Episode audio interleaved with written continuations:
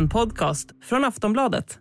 Hej och välkomna till Kungligt. Jag heter Sara Eriksson. Och jag heter Jenny Alexandersson. Det är ett riktigt domstolskaos på gång. Meghan ska upp i rätten, prins Harry ska, ska möta brittiska staten, Meghans pappa ska upp i rätten och likadant antagligen Meghans halvbror. Kaos. Verkligen kaos.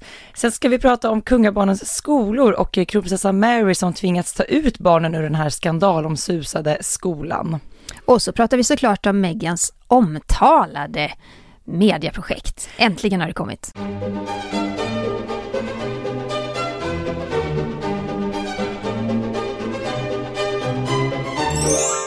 Ja men vi har ju så mycket att gå igenom Jenny, jag menar vi har ju inte setts här i poddstudion sedan veckan innan midsommar om jag minns rätt. Ja, du, det är en evighet sen. Det är en evighet sen och samtidigt känns det som att det är en kvart sen. Så Ja. jag förstår inte riktigt men det har ju hänt så otroligt mycket i den kungliga världen. Ja men det har det. Vi har fått så mycket frågor också från er, både på sociala medier och via mail. Så här, när startar ni upp podden igen?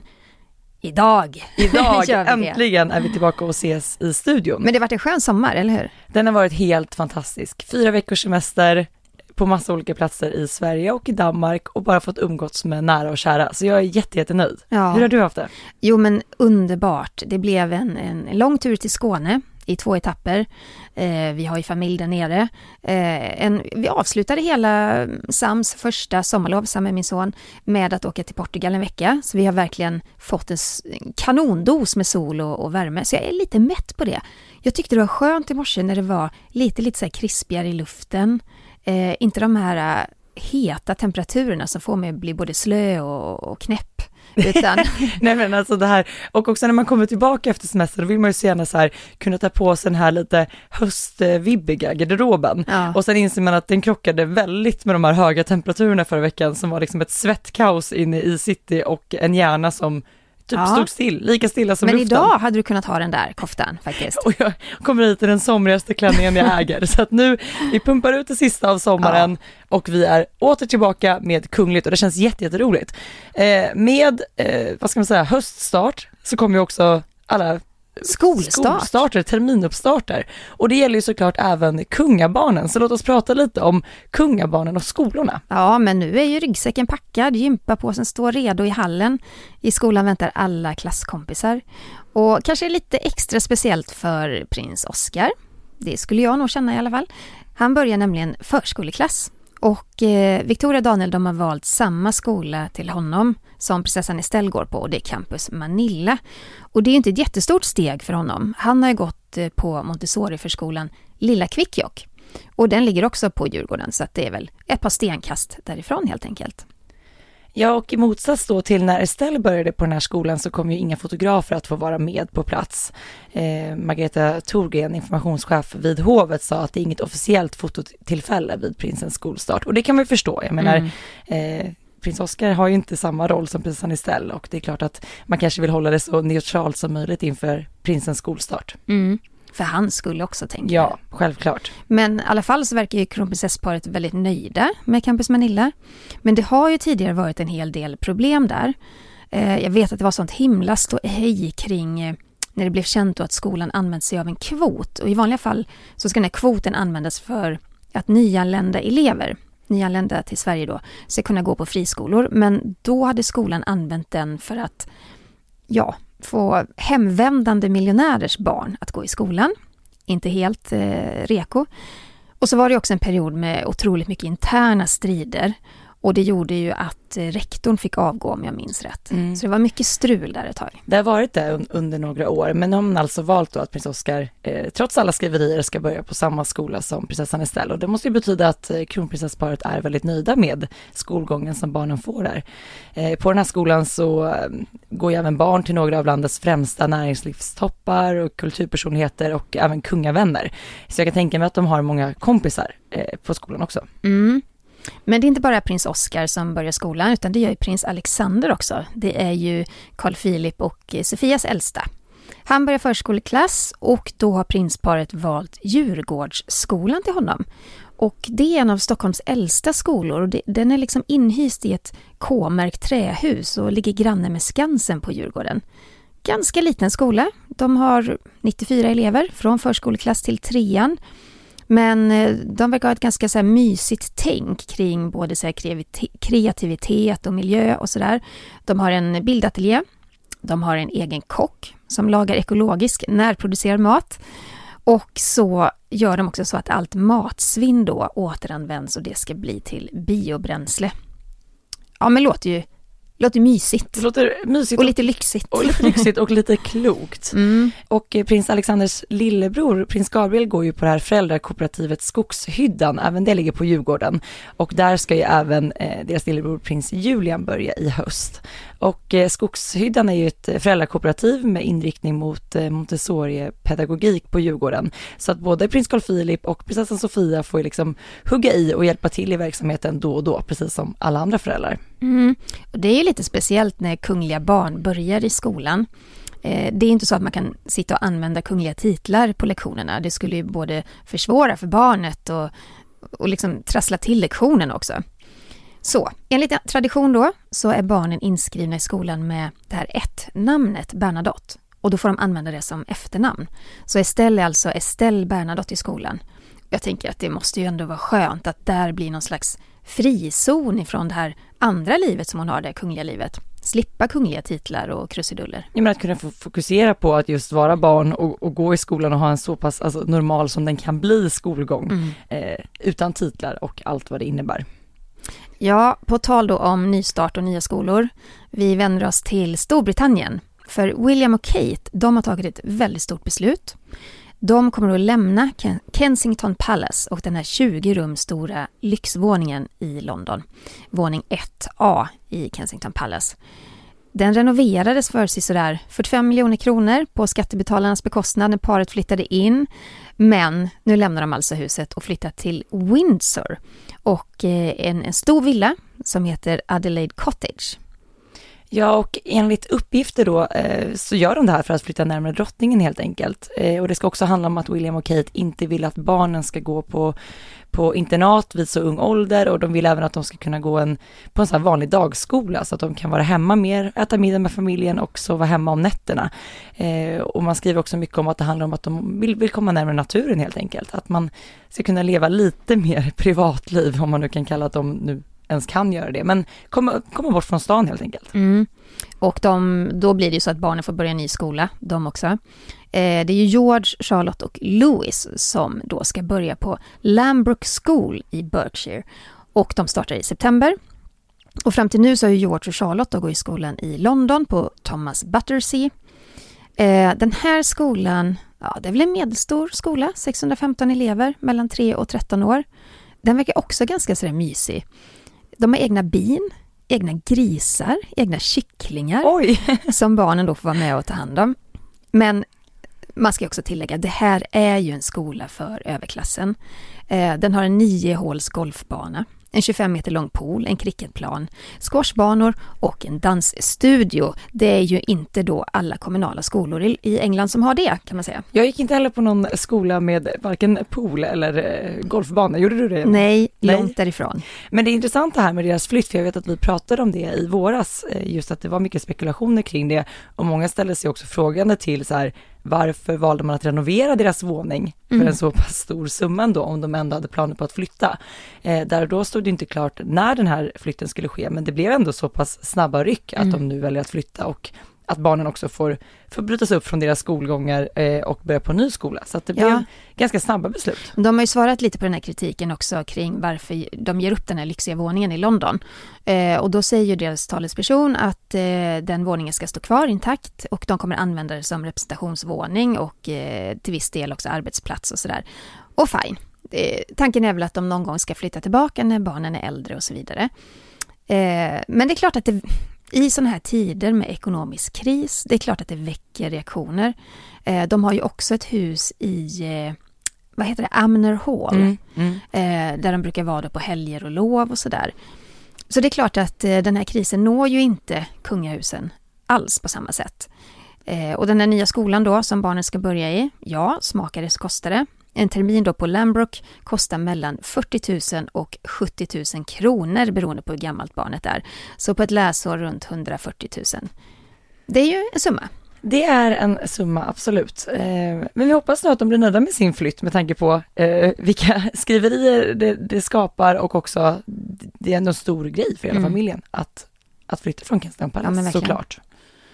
Alltså det är ju, jag måste bara säga det om skolan också, eh, det kanske också är lite så här talande för överklassen var man än är i Europa, men eh, de väljer gärna äldre skolor. Lambrook är från 1860-talet. Det har gått kungliga elever där tidigare, till exempel prins Christian Victor och prins Albert av Schleswig-Holstein. Och båda de var ju barnbarn då till drottning Victoria. Man kan också tillägga att eleverna på skolan de får åka på studieresor utomlands tidigare år. Så de har faktiskt besökt Sverige, Frankrike, Italien, Island och Sydafrika. Det låter ju minst sagt som en, som en, eh, som en händelserik skolgång. Ja, verkligen. Ja. Spännande. Vi hoppas mm. att barnen kommer att trivas där. Vi ska vända oss till Danmark. Eh, det har varit väldigt mycket skriverier och prat just om eh, kungabarnens skolgång där. Kronprinsessan Mary och kronprins Fredrik kom med ett besked då kring prins Christian och prinsessan Isabellas skolgång i början av augusti. Och eh, för er som inte hängt med så handlar det här om en stor skandal som avslöjades i danska TV2s dokumentär som hette Herlufs, Herlufsholms hemligheter. Och eh, det är den skolan där Christian har gått fram tills nu då.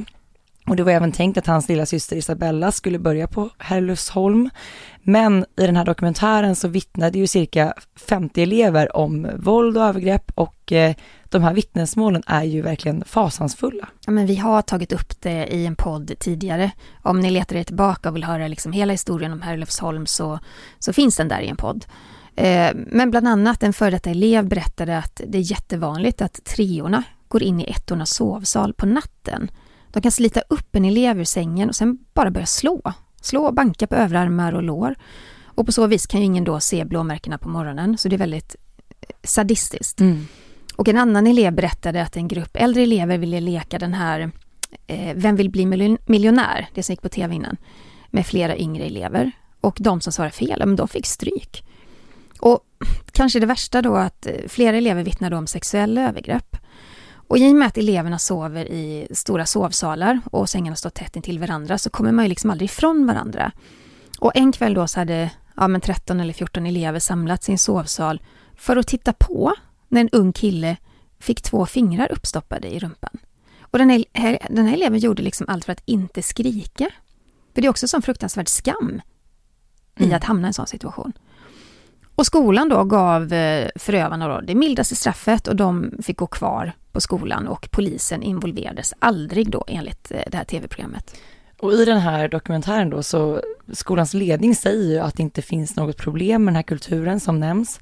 Och eh, de säger även att de inte har kännedom om vålden, de här våldsamma händelserna. Och det här programmet väckte ju otroligt starka reaktioner i hela Danmark eh, och utbildningsminister Pernilla Rosenkrantz Thiel sa att hon aldrig sett något så allvarligt, slutcitat.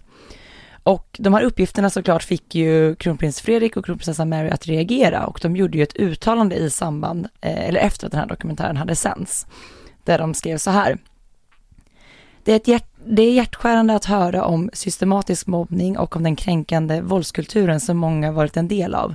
Det är helt oacceptabelt. Som föräldrar förväntar vi oss att skolan säkrar en kultur där alla är trygga och är en del av gemenskapen.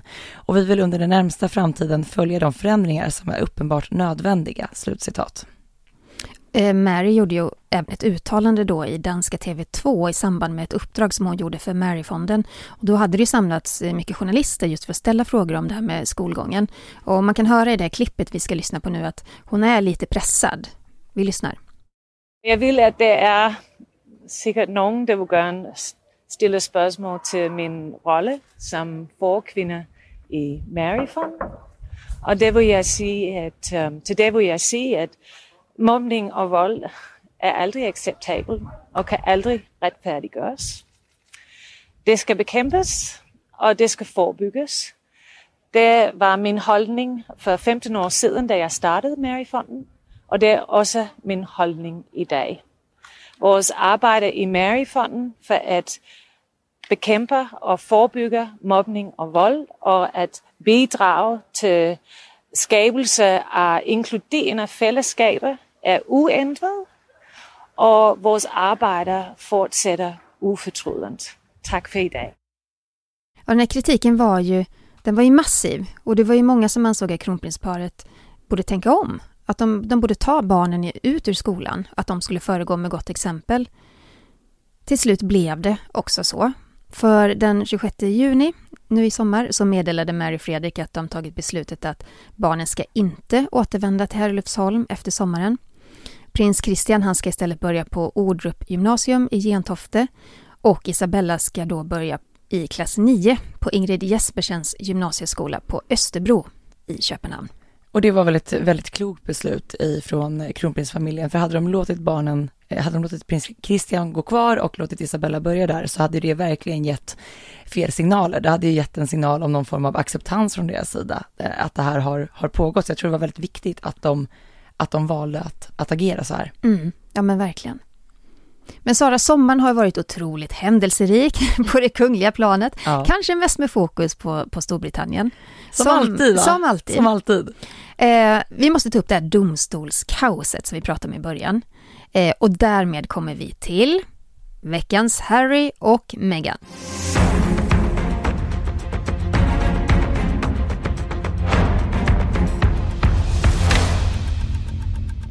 Ja, 799 000 kronor. Det är summan som Megans halvsyster Samantha Marker kräver av Meghan. Mm.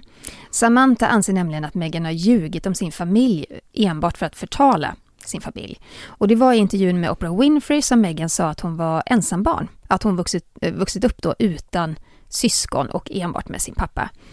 Och det är just de här orden som Samantha reagerat starkt på och nu stämmer hon Meghan för förtal efter de här lögnerna då i tv-programmet.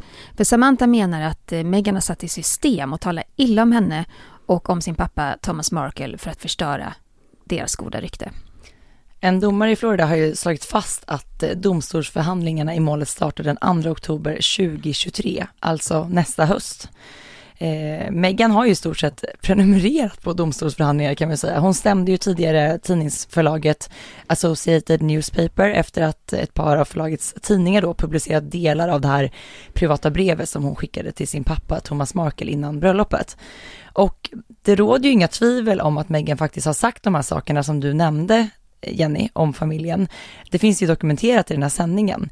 Eh, men det märkliga är väl kanske vad Megans advokater hävdar i sina dokument som lämnades in till domstolen.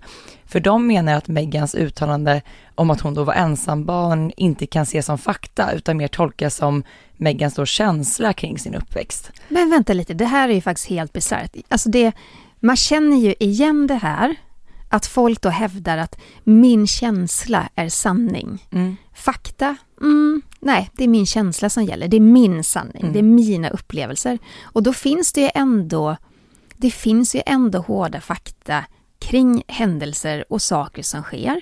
Men folk hävdar ändå att nej, nej, nej, det är det jag känner mm. som är fakta. Och jag kan inte riktigt köpa det här. Och nej. jag undrar liksom hur domstolen eh, och jury och allting kommer ställa sig till ett sånt påstående från eh, hennes advokater. Det ska bli väldigt spännande att följa det här och jag menar Megans syster Samantha, hon började ju veva om det här direkt efter att sändningen med Oprah hade sänts, just mm. för att i hennes värld så förstod inte hon vad Megan satt och pratade om i och med att hon har vuxit upp tillsammans med henne. Ja, för i tv-programmet, eller i den här intervjun så säger hon ju att hon är ensambarn, mm. har vuxit upp eh, utan eh, syskon. Det är ju så konstigt. Men Megans advokater skriver också då att Megans beskrivning av att växa upp som ensambarn omöjligt kan vara falsk eftersom den är citat ett textbok, textbokexempel på ett subjektivt uttalande kring hur en person känner kring sin uppväxt. Slutcitat. Nej, det är ju bara ordbajs. Helt ärligt. Ja, men det är alltid det här, det här pågående kriget inom Megans familj. Det känns som det pågår någon form av pajkastning från alla håll hela tiden. Mm. Eh, jag tycker verkligen det här är en situation och ett fall som är väldigt intressant att följa, för det är väldigt oklart i var det kommer att landa och vem som faktiskt har rätt. Men ja. det vi vet är ju vad vi har hört Meghan själv säga i den här dokumentären. Ja, alltså uppenbarligen ni som lyssnar förstår att jag är kritisk till det här. Men precis som du säger Sara, det finns ju en annan sida av det också och det är ju den här eh, pappan och de två syskonen som gång på gång liksom drar in Meghan i eh, alltså i rättsprocesser som får väldigt stor medial uppmärksamhet och så vidare. Så det är ju, det är ju en gråzon, det är inte svart eller vitt. Det Nej. går inte att peka på att det här är rätt och det här är fel heller. Så, eh, ja, det finns två sidor av saken. Det gör det och eh, prins Harry ska även han han inte, inte, inte bara Meghan som är inblandad i en rättsprocess. För under sommaren så nåddes vi av beskedet att prins Harry kommer att möta den brittiska staten i domstol. Och det här handlar ju om, vi har också pratat om det tidigare, eh, det handlar om att inrikesministeriet tog bort prinsens livvaktsskydd när paret då lämnade kungahuset 2020. Eh, de slutade ju då att vara arbetande kungligheter och har därför inte längre rätt till skattebetald säkerhet i Storbritannien. Men sedan dess så har ju Harry hela tiden kämpat för att få tillbaka det här brittiska livvaktsskyddet. Eh, paret bor ju i USA och där får de bekosta sin säkerhet själva. Eh, de har ju där anlitat ett privat säkerhetsföretag. Och i USA så har ju livvakterna rätt att bära vapen, men det har de ju inte i Storbritannien. Mm. Nej, där är det ju stort sett bara Scotland Yard som får göra det och det är de som har hand om kungafamiljens livvaktsskydd. Eh, och Harrys livvakter de får inte heller ta del av brittisk underrättelseinformation av naturliga skäl. Men inrikesministeriet de har ju sagt nej till Harrys önskan. Eh, men i februari i år då så överklagade prins Harry beslutet och nu, sex månader senare, så meddelar Harry att han kommer ta frågan vidare till domstol. Ja, så prins Harry kommer alltså möta den brittiska staten i domstol och det är ju en situation och en händelse som är väldigt unik, som vi inte har sett tidigare. Mm. Och, och det här är ju lite så, återigen, det har ju ända sedan Harry och Meghan valde att lämna brittiska kungahuset så har det ju pågått en diskussion just att de, de valde att lämna det livet på grund av att de inte ville vara en del av det, de vill inte ha den pressen på sig eller mm. den synligheten och allt vad det innebär. Eh, men eh, både offentligt och säkert inom familjen så krigar de ju väldigt mycket för de rättigheter som de har haft som en del av kungafamiljen. Och i Storbritannien är ju verkligen, som vi har pratat om kanske en miljon gånger i den här podden, det finns ett team Harry och Meghan och det finns ett team brittiska kungafamiljen. Eh, och de som redan ställer sig frågande till parets beslut och eh, hur de har valt att agera i vissa, vissa händelser och frågor, de tycker att det här är jättemärkligt. Mm. Att, att paret inte kan acceptera att har ni valt att lämna det här livet så kan ni inte heller ta del av den här kakan. Eh, men nu ska alltså prins Harry kri kriga ytterligare för att få igenom sin vilja. Men jag har ju läst lite av de här dokumenten som lämnats in till domstolen och det, det som inte riktigt så här plockas fram det är att inrikesministeriet har ju sagt att det är inte så att de eh, säger blankt nej, utan de tittar på situation till situation. För att när Harry och Meghan var eh, i London under platinajubileet, då hade de ju livvaktsskydd. Eh, och menar, den punkten är också så springande. Skulle de komma till London eh, för något stort event, så är det inte blankt nej på livvakter. Och det är också så här, varför ska Harry bråka om detta när han kan ha en dialog med inrikesministeriet och med sin familj kring mm. sådana här frågor. Det är som att han på något sätt eh, i något vredesmod bara vill sätta ner foten och hävda sin rätt till olika saker. Det är ja. väldigt... Eh, det, och, och det är ju märkligt. en väldigt speciell situation och det är som, som du sa Jenny, vi har aldrig sett det tidigare. Eh, mm. så det här är någonting väldigt unikt och ska också bli väldigt spännande att följa och se vad det landar i. Kära lyssnare, vi ska ta en liten kort paus men vi är snart tillbaka. This message comes from BOF sponsor eBay. You'll know real when you get it. It'll say eBay Authenticity Guarantee. And you'll feel it. Maybe it's a head turning handbag, a watch that says it all, jewelry that makes you look like the gem, or sneakers and streetwear so fresh every step feels fly. eBay gets it. So look for the blue check mark next to that thing you love and be confident that every inch, stitch, sole, and logo is checked by experts. With eBay Authenticity Guarantee, you can trust that feeling of real is always in reach. Ensure your next purchase is the real deal. Visit eBay.com for terms. Nu är vi tillbaka och vi fortsätter på ämnet eh, domstol, för det tar aldrig slut där. Eller hur? Nej, det tar aldrig slut. Även Megans bror, Thomas Markle Jr, är inblandad i en rättsprocess. Och det här handlar om att eh, Thomas Jr vill bli förmyndare för sin pappa Thomas Markle.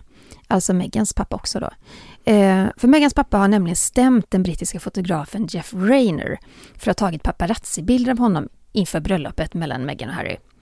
Och det här var ju visserligen bilder som Thomas Markle var med på. De var ju planerade. Han och fotografen hade liksom gjort upp att han skulle stå här och där och där och så skulle bilderna tas. Och Thomas skulle då få mycket pengar för dem. Och det fick ju ett, ett enormt bakslag kan man ju säga, för när de här bilderna publicerades så eh, ganska så snabbt så avslöjades ju då att bilderna var planerade som du sa eh, Jenny. Och den här historien ledde ju till att Meghan faktiskt bröt kontakten helt med sin pappa eh, och eh, Thomas Markle hävdade ju då att bilderna har förstört hans liv. Men Sara, vad, vad har det här med förmyndarskap att göra? Jo men det handlar ju då om att Thomas Markle Jr, alltså Megans bror, vill eh, bli förmyndare till sin pappa och det har att göra med att Thomas Markle fick ju en stroke i somras och har väldigt svårt att prata och är svag och sjuk. Och eh, det handlar om att han troligtvis inte kommer att klara av en rätts, rättsprocess och då vill istället Thomas Markle Jr representera sin pappa i domstolen.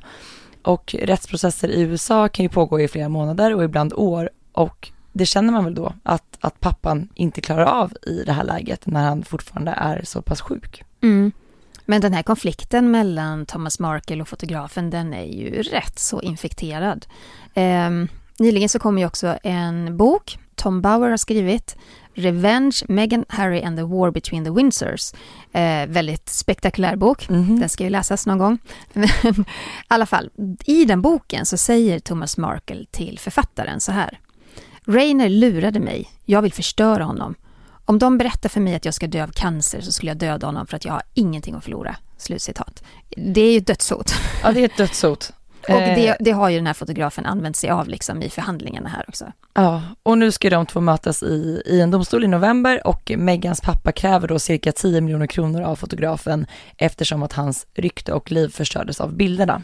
Så vi har tre eh, rättsprocesser att hålla koll på. Och följa och det kommer vi att göra och hålla er uppdaterade här i podden såklart. För just det här, eh, to, eh, Meghan Markles pappa eh, och de här bilderna har ju vi pratat om så många gånger mm. och just att han bestämde en träff med fotografen så det är väldigt intressant att se vad det här kommer landa i. Verkligen. Men när vi ändå nu är inne på Harry och Meghan så måste vi också ta upp eh, böcker böckerna. Ja. det, alltså, faktum är att hela våren och sommaren så har det kommit en strid böcker, alltså kungliga böcker med fokus på Harry och Meghan och på kungahuset.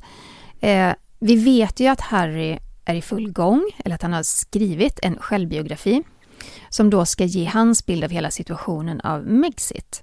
Eh, boken skulle ha släppts eh, strax innan eller i samband med Elisabeth, drottning Elisabeths platinajubileum. Eh, det firar man ju faktiskt under hela 2022. Men man sköt på lanseringen ett tag. Nu vet vi att den ska släppas då den 4 oktober i Storbritannien. Så det är fortfarande under platina-året, men mm. man kanske har skapat då en liten distans mellan själva toppfirandet som var i juni ja. och boken. Det hade inte sett så bra ut kanske ifall att den publicerades i samband med det såklart. Mm. Eh, men den här andra skandalboken som du var inne på Jenny, som vi precis nämnde där, där eh, Thomas, eller Thomas Markel har även uttalat sig, eller citerats. Eh, det står ju såklart en hel del om Harry och Meghan i den här boken och ehm, det sägs ju att Tom Bower sitter inne på väldigt säkra källor och det är väl därför som den här boken har fått sån enormt stor medial uppmärksamhet, eller hur? Mm, ja men verkligen. Eh, man skriver ju mycket om parets relation till kungafamiljen. Eh, bland annat då så innehåller den detaljerad information om Megans första möte med prins Harrys närmaste vänner. Och eh, författaren citerar en av vännerna som då ska ha sagt citat, hon måste vara helt jävla galen. Och det är efter att Meghan gång på gång då tillrättavisat eh, prinsens vänner. Och den scenen då, om man ska kalla det scen eller den liksom händelsen, den utspelar sig på Sandringham 2016 eh, då prins Harry bjöd in 16 av sina närmaste vänner och eh, deras respektive då till en jakt. Och mycket var väl också för att presentera Meghan för kompisarna. Ja, och enligt författaren då så uppstod det en kulturkrock mellan Meghan och det här konservativa kompisgänget som alla studerat vid Eton. Eh, de ska ha skämtat med varandra och flertalet gånger skojat om både homosexualitet och en hel del sexism. Och Meghan ska då flera gånger ha sagt ifrån eh, och enligt de här källorna till boken så ska det då ha uppstått en ganska så här ansträngd stämning och att man menar då att hon förstörde stämningen runt middagsbordet, även om jag helt och hållet förstår att man säger ifrån eh, om någon ja. sitter och skämtar om det här. Hon gjorde ju rätt där. Ja. Men, men det jag tror författaren vill ha sagt är att eh, de var väl ovana vid att eh, kvinnor kanske Mm. eh, sa ifrån på det viset och gång på gång på gång. Och att det var det som då ledde till att vännerna inte blev jätteförtjusta i henne. Nej, och efter det här då första mötet på Sandringham så träffade eh, Meghan då åter några av de här vännerna eh, i samband med ett bröllop på Karibien 2017. Och enligt författaren var det då fortsatt dålig stämning mellan Meghan och de här vännerna till prins Harry och det har då lett till, menar författaren i boken, att Harry allt mer tagit avstånd från sina vänner och även att vännerna ställt sig mycket frågande till, till paret efter den här intervjun som de gjorde med Oprah 2020. Eh, den här författaren Tom Bower, han har ju skrivit en annan bok som fick väldigt stor uppmärksamhet 2018 om prins Charles. Så att eh, böcker som han har släppt om kungligheterna får ju oftast väldigt stor uppmärksamhet. Mm. Ja, och särskilt i Storbritannien. Mm. Eh, I början av september så ska ju faktiskt Harry och Meghan besöka Storbritannien. De ska vara där i två veckor ungefär. Eh, de ska också besöka Tyskland i samband med den här resan till Europa. Och planen är då att Harry och Meghan ska närvara vid flera välgörenhetsevenemang som till exempel One Young World och såklart då Victus Games som hålls i Tyskland. Ja, och sist Harry och Meghan var i London var ju under drottning Elizabeths platinajubileum i början av juni. Men då syntes de ju bara vid några enstaka tillfällen. Eh, och innan dess har de inte varit så mycket i Storbritannien. Och eh, en anledning är ju det vi precis pratade om, just prins Harrys kamp för att få ta del av det här, den brittiska polisens livvaktsskydd som vi pratade om. Eh, så att, ja, men nu ska de alltså åter landa på, på brittisk mark. Och frågan är ju Men den stora frågan. familjen. Den stora frågan. Ja, Ja, kommer de träffa någon i kungafamiljen? Det är ingenting som de har gått ut med såklart, eh, men visst borde de göra det. I alla fall drottningen, eller sin pappa. Ja. Harry borde träffa sin pappa. Som sagt, vid drottningens firande så syntes de ju inte, de, de medverkade ju till exempel vid Trooping the Color, men var liksom inhysta i, någon, i den här byggnaden där många En andra sidobyggnad. sidobyggnaden, Ja. de var absolut inte en del av, av själva det offentliga firandet där och då. Och de fick ju inte stå på balkongen med Det de fick de inte arbetande kungligheterna. Eh, det, det gjorde man ju klart och sen var de med vid den här tacksägelsegudstjänsten. Mm. Eh, utöver det syntes de ju inte till, de var ju inte med vid den här festliga konserten vid Buckingham Palace. Det sägs ju att de istället då tog del av konserten tillsammans med drottningen hemma på Windsor Castle. Mm. Eh, vad vi vet om det, det kan vi inte säga såklart, eller vi, vi har ingen aning om det är sant eller inte. Eh, men det skulle, det är ju ändå märkligt ifall att paret besöker Storbritannien och inte träffar sin familj. Ja, det tycker jag också. Verkligen. Och det stormar ju kring det här paret om och om igen. Det är ju som att de aldrig kan sitta i båten och njuta av sitt liv. För att det borde de ju göra. De har ju längtat efter det här mer mm, så kallade anonyma livet. Eh, vi har också hört rykten under ganska lång tid att eh, både Netflix och Spotify har varit rätt så irriterade på paret.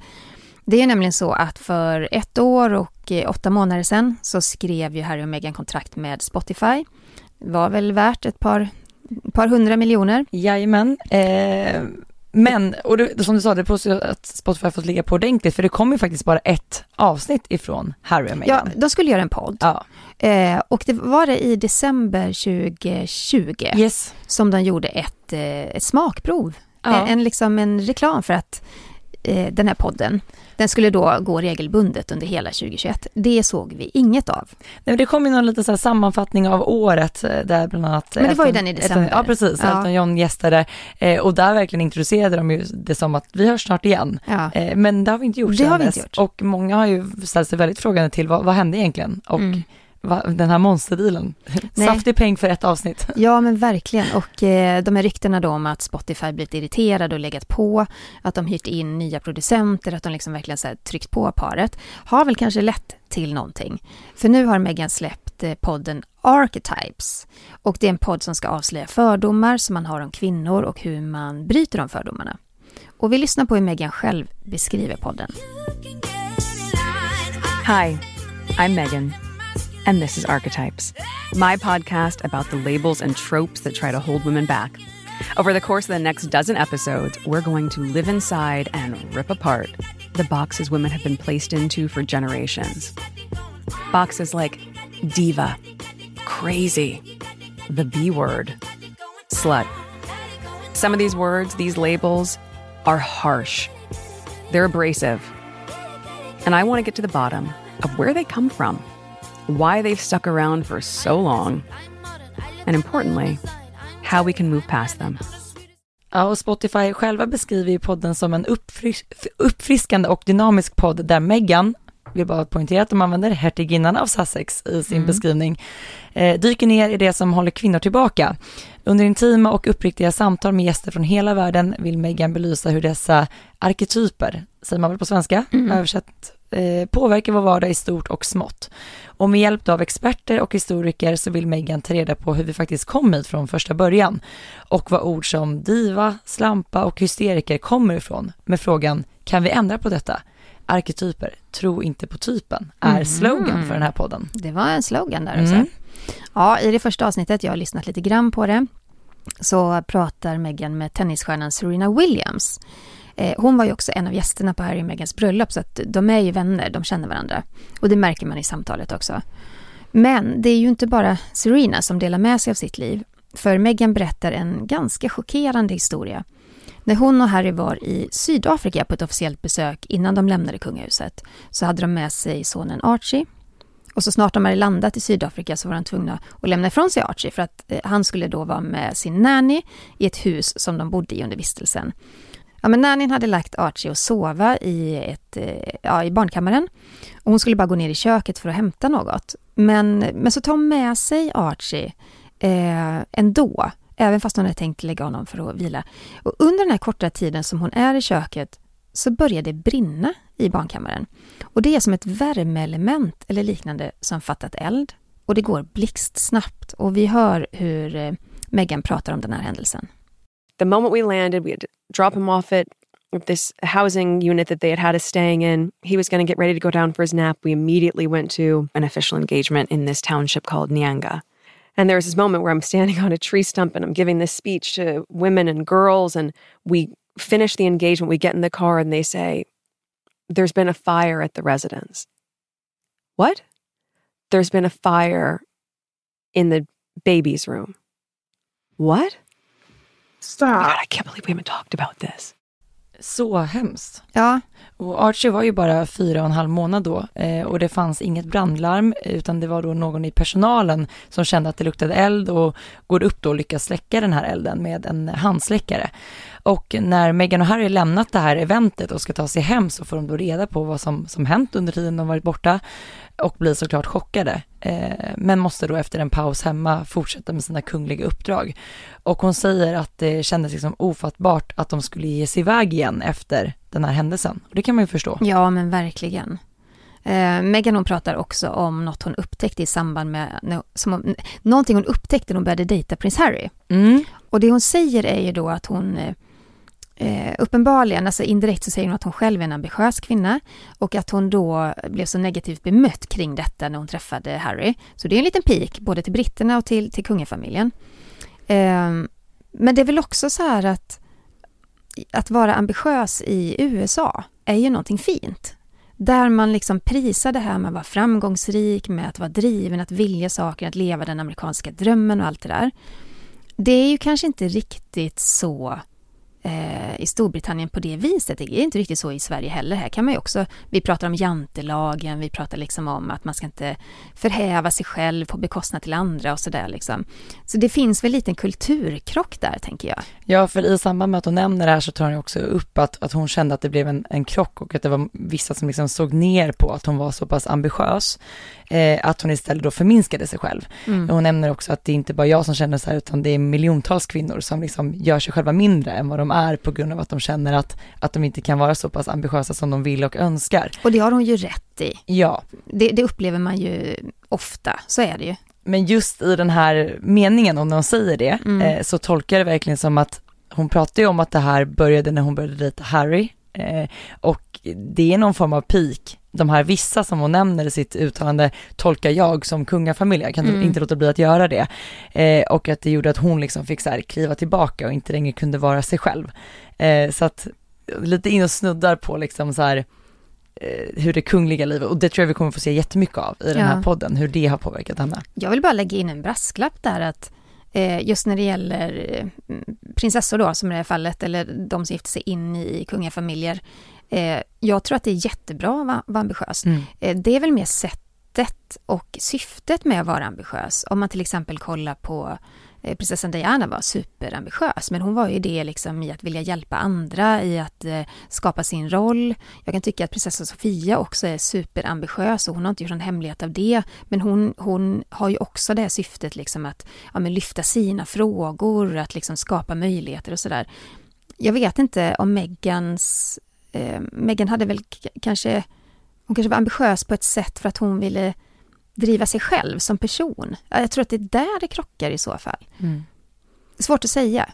Och det är svårt också att liksom tolka hennes eh, känslor, det ska man väl egentligen inte göra. Men eh, det är en tanke bara. Ja, men de har, hela det här avsnittet handlar just om, om det begreppet, att vara mm. ambitiös. Eh, och det pågår nästan en hel timme så det är ett väldigt långt avsnitt. Eh, det är också många så här, det, är lite låt, alltså det känns, hela poddavsnittet är nästan uppbyggt lite som man tänker sig våra sommarprat, att man ja. pratar lite, det är musik, eh, det är något annat urklipp, så att så här, det är en liten annan typ av podcastproduktion som de nu levererar och eh, det här fick ju såklart jättestor uppmärksamhet. Det är många som har väntat på och undrar vad som hände med parets mm. podcast. Eh, nu kliver då Meghan fram och det är tydligt att det är hon som kommer att programleda den här podden. Eh, tidigare var det då tanken att Meghan och Harry tillsammans skulle göra det. Men han dyker väl upp? Han gör det. Under inspelningen av podcasten så dyker faktiskt prins Harry upp och jag tycker vi ska lyssna lite på hur det lät. Hi, you want to come say hi? Yeah. Looks you just popped in. Hello. Hello. Hello. Hello. How you doing? Good. How are you? I like what you've done with your hair. That's a great vibe. Thank you. Good to see you as always. I miss you guys. Well, come and see us. I will. We'll make a plan. Have fun. Thanks, my love. Det var inte ett jättelångt inhopp. Nej, det var, det var inte ett jättelångt inhopp. Han säger i princip hej och sen så säger han till Serena, jag gillar vad du har gjort med ditt hår. That's a great vibe. Du måste komma och hälsa på oss. Och då säger Megan, ja, jag, jag gör en plan för det. Ja. Så det var inget, det, det var, var inget långt inhopp, men han är med på ett ja. hörn. Eh, men den här ska komma varje vecka, eller hur? Ja, det verkar så. Jag läste någonstans igår, jag liksom läste igenom väldigt mycket som skrevs om podden. Eh, 12 avsnitt pratas det om. Mm. Eh, Maria Carey ska vara med nästa vecka. Ja. Eller nästa gång. Nästa gång. Jag ja. tror att det är redan nästa vecka. Så att eh, det här kommer vi säkerligen prata mer om. Oh ja. Vi måste också göra ett litet inhopp här i Sverige för att idag när vi spelar in podden den 24 juli, nej augusti, du ser jag är inte med Sara. Nej men jag känner bara det nu när vi sitter och pratar hur jag liksom så här snubblar på orden, är liksom vimsig och vet knappt, alltså man är, man är inte riktigt där än. Men hur lång tid ska det ta innan man är liksom i rutinerna igen? En evighet. Ska vi göra en månad i alla fall? Vi ger en månad. Ja. ja. Så ni får ha överseende ja. Men i alla fall, idag när vi spelar in podden så är det Ukrainas självständighetsdag. Och det är även sex månader sedan som Ryssland då gick in i Ukraina. Och för kungafamiljen så är inte det här kriget någon svår fråga. De försöker såklart hålla sig så neutrala som, som, som de kan och som, som sig bör. Men det är ju inte en kontroversiell fråga att stå på Ukrainas sida. Eh, ett fritt land då som blivit invaderat av en, av en stormakt. Men kungen har i alla fall skickat ett telegram till president Zelensky idag och han skriver, och jag hoppas jag översätter rätt nu, för det var såklart då skrivet på engelska. Med anledning av Ukrainas självständighetsdag vill jag till Ers excellens framföra mina uppriktiga gratulationer tillsammans med mina bästa lyckönskningar för folket i Ukraina. Jag vill också uttrycka min respekt för den enorma beslutsamhet och det mod som finns hos folket i Ukraina under dessa extremt svåra tider. Och det var väl ändå bra att han eh, skickade det här. Ja, självklart. Och i samband med att eh, kriget bröts ut så var det ju många kungligheter runt om i världen som gjorde uttalanden.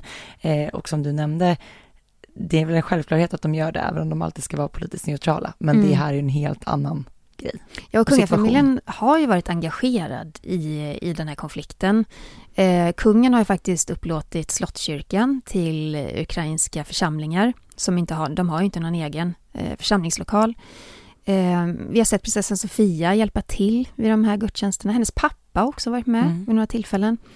Och jag menar även kronprinsessan och, och resten av familjen har ju på olika sätt belyst problemen med det här. Mm. Så det är ju något som de håller sig uppdaterade kring. Det har man ju sett också gäster på slottet, eh, informationsmöten där kronprinsessparet och kungaparet då träffat utrikesministern och, och ÖB och, och så vidare. Ja, vi har hunnit gått igenom mycket i det första avsnittet efter sommaruppehållet eh, som vi precis har blivit lite vimsiga och man har lite svårt, man är inte van vid att sitta i en poddstudio igen. Men Nej. jag är så glad att vara här. Men jag tycker ändå vi ska avsluta med en liten rolig eh, grej som har kommit fram och det handlar om prins Charles känga till Netflix. Mm. Eh, under hösten här nu så har ju faktiskt säsong 5 av Netflix-serien The Crown premiär och vi får ju ofta frågan, Jenny, typ på Instagram och hit till podden eh, från följare och lyssnare om just så här brittiska kungafamiljen, tittar de på serien som faktiskt handlar om deras familj och liv? Eh, det vet vi såklart inte om de gör. Eh, tidigare har ju ingen i brittiska kungafamiljen kommenterat serien, eh, men nu har då enligt Daily Mail en skotsk politiker avslöjat att prins Charles faktiskt kommenterat hur han porträtterats i serien. Åh, vad spännande. Mm. Berätta. Eh, Ja, men det är den skotske Labour-ledaren Annas Svarer som eh, berättat att prinsen då i samband med parlamentets öppnande i Skottland i oktober förra året ska ha sagt då innan öppnandet så här, hej, trevligt att träffa er alla, jag är inte i närheten av hur de porträtterar mig på Netflix. Slutcitat. Han har humor. Ja, och då skrev de också att det hade blivit ändå så här ganska lättsam stämning och folk hade väl kanske inte riktigt vågat skratta men det hade blivit lite så här, hehe, okej. För det blir väl så, jag menar, eh, nu följer vi kungligheterna på daglig basis kan man ju ändå säga, Mm. eh, men de som inte gör det och som kanske finner ett intresse för, för kungligheter och kungafamiljer gör ju, har ju många gjort det via den här serien. Eh, det märker vi en jättestor liksom, genomslagskraft där. Mm. Eh, och då kanske det är lätt att bilda sin uppfattning om, person, om en person då, ute, ute efter den här dramaserien. Och jag menar, prins Charles framstår inte som superhärlig i Netflix-serien The Crown. Nej, han får ju en och annan känga där. Det får Ja. man ju verkligen påstå. Men... Ska han då köra så nu varenda gång han träffar nya människor så här, hej, här är the real one, jag är inte som, som jag framstår i Netflix. Ja, ja. Jag tyckte det var en väldigt rolig detalj. ja, men härligt. Ja. Ehm, jag tänker att vi efterlyser lite lyssnarfrågor också. Mm. Har ni något ni undrar över så ställ frågan till oss. Skicka till kungligt snabel aftonbladet.se så försöker vi svara på frågorna i podden. ja. Ni kan också följa oss på sociala medier. Sara, var finns du? Eh, mig hittar ni på royalistan.se och var hittar man dig Jenny? Främst på Instagram. Kungligt med Jenny heter jag där. Tack snälla för att ni har lyssnat på veckans avsnitt av Kungligt. Vi hörs nästa vecka. Vi ha det så gott. Hej då! Hej då! Du har lyssnat på en podcast från Aftonbladet. Ansvarig utgivare är Lena K Samuelsson.